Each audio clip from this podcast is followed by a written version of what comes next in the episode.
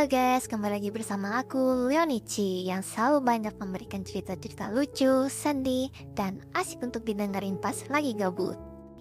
Kali ini moodnya agak berat nih ya, jadi siap-siap nih. Hari ini gue mau cerita sesuatu yang, duh, berat banget sih.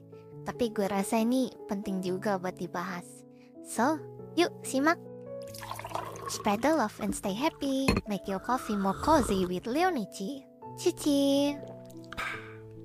Waktu itu gue masih di sekolah dan gue lagi pacaran. Semuanya kelihatan oke-oke aja ya. Kita sering hangout, ngerjain tugas bareng, nonton bioskop, makan bareng ke kantin bareng, bahkan pulang bareng, ya dan lain-lain lah.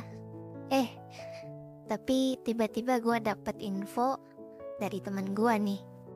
Dia ngeliat pacar gue lagi mesra-mesraan sama cewek lain. Awalnya gue nggak percaya ya kan. Tapi ya buktinya ya udah jelas banget. Ada foto, ada chat, pokoknya komplit deh. Gue sempet ngedown, bingung gitu, marah, campur aduk lah pokoknya.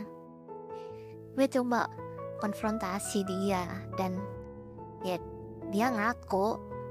Dia bilang dia udah gak ngerasain ngerasain yang sama kayak dulu lagi.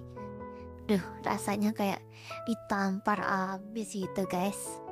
Tapi dari situ gue belajar banyak tentang diri gue tentang apa yang gue mau dari hubung satu hubungan. Dan tentang bagaimana caranya lebih respect ke diri sendiri. Jadi buat kalian yang pernah atau lagi ngalamin hal yang serupa, ingat ya teman-teman sobat Yonichi, gak ada yang salah dari diri kalian. Kadang orang lain yang gak bisa appreciate apa yang udah kalian kasih. Oke, cukup ya cerita berat hari ini. Kalau kalian punya pengalaman serupa dan saran buat orang yang lagi ngalamin ini, yuk share di kolom komentar. Jangan lupa juga buat klik follow dan klik loncengnya biar kalian gak ketinggalan update dari gue. Stay tune buat episode-episode selanjutnya yang pastinya bakal lebih seru dan exciting. See you guys. Semoga hari lebih ceria ya. Bye bye. Leonici love you.